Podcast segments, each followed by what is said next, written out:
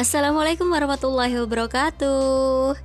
Aduh, kapan sih ya pandemi ini berakhir? Pengen jalan-jalan nih.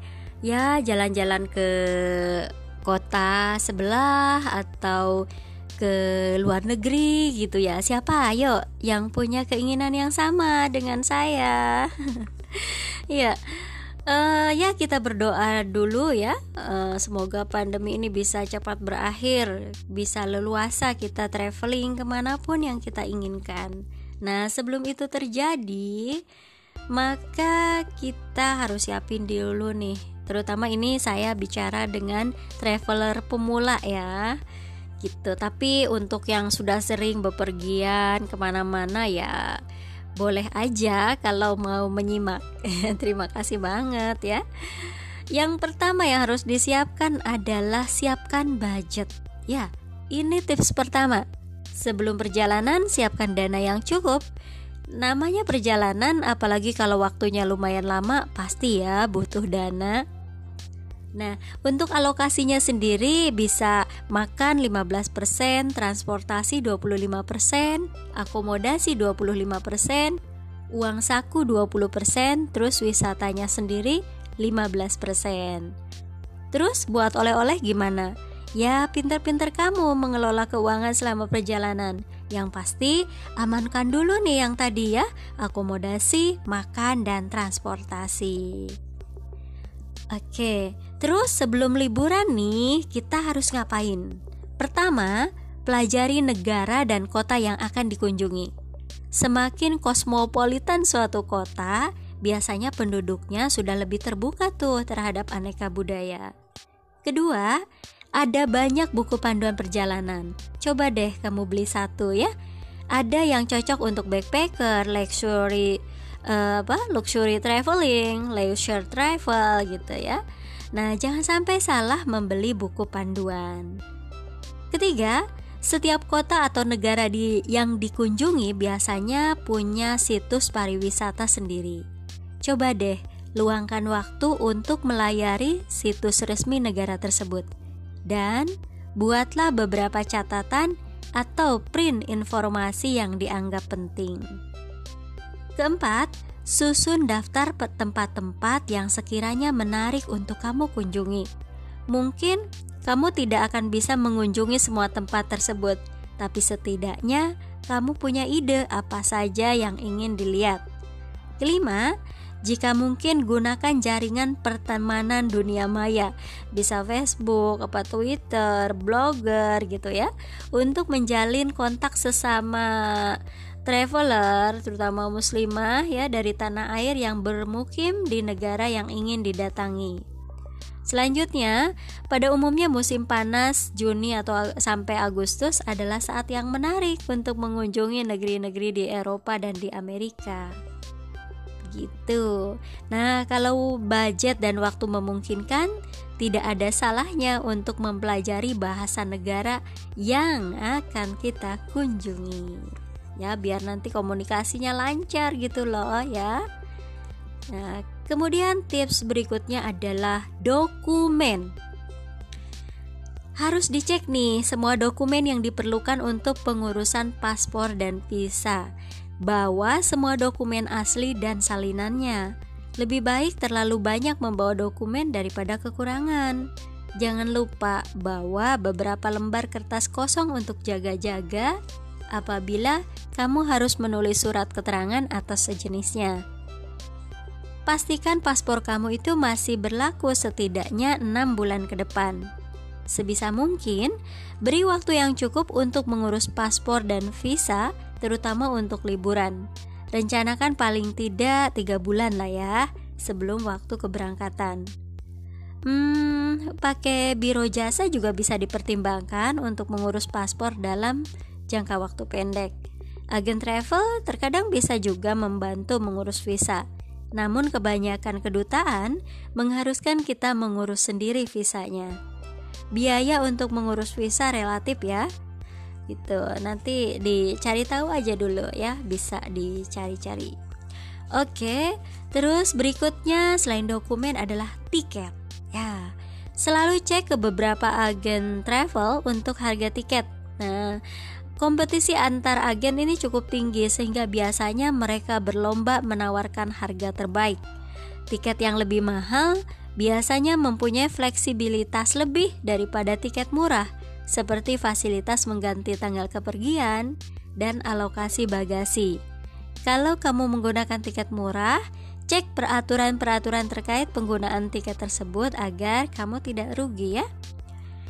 Nah, lalu musim berlibur seperti Juli sampai Agustus serta Desember di luar e, biasanya tiketnya itu uh, peak season ya uh, lebih mahal. Nah di luar masa-masa itu harga tiket biasanya jauh lebih murah. Lalu jangan lupa untuk meminta makanan halal ketika memesan tiket. Seringkali kita juga bisa memilih tempat duduk yang diinginkan, misalnya di dekat jendela atau di pinggir. Terus buat kamu yang pertama kali ke luar negeri, jangan lupa selain tiket juga menyiapkan airport tax ya atau biasanya sih sekarang sudah dimasukkan ke tiket ya jadi tidak perlu lagi ya banyak-banyaklah uh, mempelajari ya soal tiket ini oke okay? Kemudian bawaan nih, apa sih bawaan apa aja nih yang mau dipakai gitu. Nah, uh, tips dari saya adalah pertama, bawalah baju yang mudah dicuci dan gak gampang kusut. Pilih warna-warna yang mudah dipadu padankan ya kalau misalnya kita yang pakai gamis gitu ya ini lebih simple sih ya daripada yang pakai atas bawah. Simple uh, pakaian gamis itu tadi ya gamis dengan kerudungnya pakai pakailah warna-warna yang netral gitu ya jangan lupa perlengkapan seperti daleman kerudung kaos kaki dan perlengkapan sholat kedua hindari warna pakaian yang terang dan mencolok ya Sebab selain gampang kotor, baju dengan warna-warna ini juga akan menarik perhatian orang. Lainnya, tentu saja kalau kita kepepet karena sulit mencuci, kita jadi susah mem memakainya lagi. Karena pakaian dengan warna terang dan menyolok akan mudah diingat orang. Ketiga, kenakan sepatu yang enak dipakai jalan dan bawa juga sandal jepit untuk dipakai di penginapan. Keempat, bawa satu pasang pakaian semi formal dan satu pasang sepatu ya yang cukup formal juga e, untuk pergi makan gitu ya atau menghadiri acara-acara e, yang mungkin nanti resmi gitu ya kan tidak tahu misal keperluannya untuk apa gitu ya misalnya mungkin traveling sekalian untuk menghadiri konferensi begitu kan bisa jadi ya Kemudian bawa kantong plastik. Nah, untuk memisahkan antara baju kotor dan baju bersih selama perjalanan. Lalu saat packing, gulung pakaian itu ketim eh, apa? Gulung pakaian ketimbang dilipat untuk mengurangi kusut. Jangan juga membawa terlalu banyak pakaian. Biasanya persiapan baju untuk 3 sampai 4 hari ini akan cukup untuk perjalanan sekitar satu atau dua minggu. Ya, jadi nanti dikira-kira atau tanya-tanya deh kepada orang-orang yang uh, saudara yang uh, sering traveling ya. Beri ruang ya di koper untuk nanti membeli oleh-oleh. Biasanya orang Indonesia kan uh, kalau ada orang yang mau bepergian itu yang diminta adalah oleh-oleh gitu ya. Nggak tahu mereka nanti nggak mereka nggak mau tahu apa susah atau apa gitu ya yang dititipi itu. Tapi sediakan aja space untuk itu ya. Jangan lupa menyesuaikan pakaian yang dibawa dengan kondisi cuaca yang dituju ya, dengan tempat yang dituju. Misalnya pakai outer, sweater gitu ya. Kemudian kalau perjalanannya ini untuk murni traveling ya bisa lebih fleksibel sih bawaan yang dibawa ya. Oke, terus uh, apa lagi? Ya, HP ya. HP jangan lupa kamera kalau dulu ada kamera bisa terpisah sih kamera DSLR mungkin untuk kamu yang suka mendokumentasi perjalanan, boleh siapkan juga ekstra memori dan baterai. Oke, berikutnya adalah sebelum meninggalkan rumah nih, jangan lupa cek ulang semua bawaan.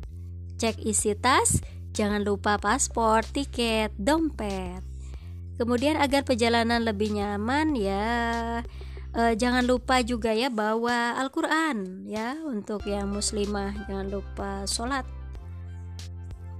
Pastikan juga kamu memegang mata uang yang berlaku di negara yang akan kamu datangi. Setidaknya cukup untuk bayar transport menuju penginapan atau makan ketika tiba di bandara.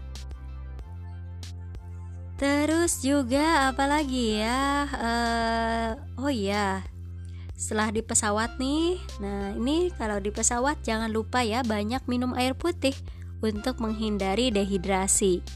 Gunakan juga krim pelembab wajah agar kulit terasa nyaman dan tidak kering. Kemudian kalau e, di pesawat itu ya sebaiknya usahakan untuk tidur dalam pesawat ya. Jadi agar ketika sudah tiba di tempat tujuan dalam keadaan segar. Kemudian, ketika di pesawat, secara berkala lemaskan kaki dan tangan agar tidak kram. Nah, untuk perjalanan yang agak lama dan baru sampai keesokan harinya, ada baiknya sikat gigi biar segar ya ketika landing. Apalagi kalau ada penjemput misalnya ya. Wah, jangan sampai deh bau mulut menguar ya ketika kita berhadapan dengan si penjemput ya. Jangan sampai malu. Kemudian ketika kamu sudah sampai di tempat tujuan kecuali kamu dijemput sebaiknya kalau tidak terpaksa banget jangan naik taksi dari bandara karena biasanya cukup mahal. Umumnya ada tuh loket pembelian tiket bus di sekitar pintu keluar bandara. Atau cari aja subway atau kereta bawah tanah Khusus untuk makan, jangan dikurskan ke rupiah. Semua makanan akan menjadi sangat mahal. Lebih baik hitung apakah budgetnya cukup untuk membeli makanan tersebut. Jangan berhemat ya untuk urusan perut. Gak lucu kalau sakit di negeri orang, rugi waktu dan uang. Berhematlah di penganapan, transportasi, dan belanja. Kemudian, hindari daerah rawan dan ingatlah copet dan jenis kejahatan lainnya yang selalu ada di mana-mana. Jagalah paspor, tiket, dan dompet dengan baik. Biasanya kalau saya traveling ke luar ke dalam di dalam negeri gitu ya, itu pakai apa sih? Saya beli itu tuh e, kaos dalam haji itu kaos dalam yang ada kantongnya beresleting itu kamu bisa pakai cara itu jadi bisa nyimpen paspor tiket dan dompet di situ atau dipecah-pecah gitu ya atau di kaos kaki gitu. Bisa lah ya di mana pun kita cari ide ya agar terhindar dari kejahatan antisipasi begitu. Kemudian pada saat kamu nanti berkeluar berjalan-jalan dari penginapan gitu ini jangan lupa paspor ya gitu. Agar nanti bisa balik lagi ke Indonesia ya. Kemudian saat di penginapan bagaimana nih ya sebaiknya browsing ya ketika di Indonesia itu sempatkan browsing di internet untuk mencari penginapan dan booking. Setidaknya untuk satu atau dua malam pertama. Kemudian kalau ada kawan atau saudara di luar negeri yang yang dituju ya nggak usah sungkan untuk menginap di rumah mereka. Kemudian ya untuk hanya beberapa hari begitu ya Kemudian kalau harus mencari penginapan, pilih yang dekat dengan tempat tujuan. Kalau misalnya kamu bepergian itu dalam rangka seminar gitu, berarti cari tempat yang dekat ke lokasi seminar. Kalau travelingnya murni untuk jalan-jalan, ya pilih tempat yang dekat dengan pusat kota. Begitupun kalau misalnya niatnya hanya untuk berbelanja gitu ya, paling enggak jadi hemat ongkos kan, apalagi kalau bisa ke mana-mana dengan jalan kaki ya. Nah, oke, di bisa berhemat nih kalau di penginapan ini ya dengan anggaran yang tersedia. Hindari penginapan yang jauh dari keramaian. Misal lokasinya tuh sangat terpencil gitu ya, tapi jangan juga yang terletak persis di dekat panggung hiburan. Karena itu akan ramai banget dan kamu nggak akan nyaman untuk beristirahat. Jadi cek apa saja fasilitas yang disediakan sekalipun sederhana. Terus jangan tinggalkan barang berharga di kamar hotel ya. Sebaiknya manfaatkan safety box yang biasanya disediakan. Kemudian juga jangan lupa cek kunci kan apa kunci kamar ya atau kartu. Apakah berfungsi dengan baik? Cek juga slot di kamar mandi. Simpan kunci kamar di tempat yang aman. Kalau kamu lupa mungkin lebih baik menitipkannya di front desk ya setiap meninggalkan hotel Nah, terus uh, khusus untuk muslimah kalau misalnya ada yang tiba-tiba mengetuk pintu gitu ya. Meskipun kamu ditemani oleh teman muslimah juga jangan langsung membuka pintu ya, waspada dulu. Oke, terus apa lagi ya? Be oh ya, soal nyasar ya. Biar nggak nyasar nih di negeri orang bagaimana? Ya itu E, pertama, selalu kantungi alamat hotel, kemudian pelajari rute bus atau angkutan umum yang melewati tempat penginapan. Terus juga kamu bisa ingat-ingat apakah ada sesuatu yang bisa kamu jadikan ciri dekat penginapan, mungkin gedung, hotel lain, bank, taman. Atau kamu kalau perlu ambil foto deh ya situasi sekitar penginapan sebelum kamu memutuskan keliling-keliling. Nah, biasanya negara-negara luar itu sudah lebih teratur untuk transportasi. Umumnya itu ada peta di setiap halte dan stasiun, sehingga di mana pun kamu berada, kamu bisa mengetahui lokasimu saat itu. Terus, oh ya, bawa ongkos lebih ya buat jaga-jaga kalau pulang harus naik taksi. Dan jangan ragu bertanya, e, peribahasa malu bertanya sesat di jalan itu berlaku juga loh saat kita traveling di luar negeri ya. Bawa peta dan belajar membacanya jangan sampai buta peta. Bawa juga apa ya kompas ya. Di di HP ada kan ya sekarang ya untuk ini fungsinya untuk mengetahui arah kiblat ke mana kita nanti sholat ya. Jangan sampai lupa sholat meskipun kita asik traveling ya Terus uh, biasanya kita ingin menghemat nih, apalagi kalau budgetnya terbatas. Ya itu kalau untuk kiat hemat pas traveling itu pertama jangan tergiur makan di bandara. Biasanya harganya tuh lebih mahal. Ya, meskipun bandara di Soekarno Hatta misalnya di Indonesia. Wow, atau bandara di Surabaya gitu ya soto atau rawon gitu yang harganya di luaran itu cukup 10.000 apa 20.000 eh kalkulatornya kalau di bandara kan bisa ambrol gitu ya bisa 50.000 ke atas begitu. Kalau lapar banget mending ke restoran yang kamu sering lihat di tanah air atau alias model franchise ya model franchise ya yang harganya relatif lebih wajar Terus juga hindari menelepon dari kamar hotel. Ya, e, siapkan cemilan dan makanan minuman ya, cemilan juga minuman sendiri. Kemudian hati-hati menggunakan fasilitas hotel yang berujung pada ekstra biaya. Terus juga hindari membeli souvenir murah dalam jumlah banyak. Lebih baik beli satu atau dua barang bagus yang nantinya pasti terpakai. Kemudian hindari membeli baju atau sepatu yang gak cocok dipakai di Indonesia atau yang gak bakalan kamu pakai lebih dari sekali. Jadi untuk urusan belanja ini harus benar-benar mengedepankan akal sehat deh ya gitu. Jangan uh, impulsif gitu semua dibeli mumpung oh ini belinya di di luar negeri gitu ya. No no nanti uh, gimana nanti budgetmu berlebih ya apa kekurangan terus gimana bisa jangan eh, jangan-jangan nggak bisa pulang dong ke Indonesia gitu. Kemudian tips apa lagi ya yang bisa saya kasih? Apalagi nih mau nanya apa lagi? Uh, tips aman hemat di perjalanan sudah terus ya perjalanan itu uh, kenapa tadi saya sering singgung sholat gitu ya jangan lupa sholat beribadah berdoa gitu ya. Ya semestinya sih traveling itu mendekatkan bukan menjauhkan ke sang pencipta. Ya pasti akan sangat indah jika traveling tidak membuat kita lupa tapi justru semakin dekat dengan sang pencipta. Bukan berarti selama traveling itu kita nggak boleh hahaha gitu ya nggak boleh ada tawa atau canda Tapi pasti selama perjalanan kita makin melihat keluasan buminya, keindahan ciptaannya, juga syukur karena setelahnya kita menjadi lebih kaya akan pengalaman. Nah, karenanya beberapa rutinitas yang selama di tanah air biasa dilakukan sebaiknya tidak ditinggalkan. Kalau mungkin malah ditambah gitu.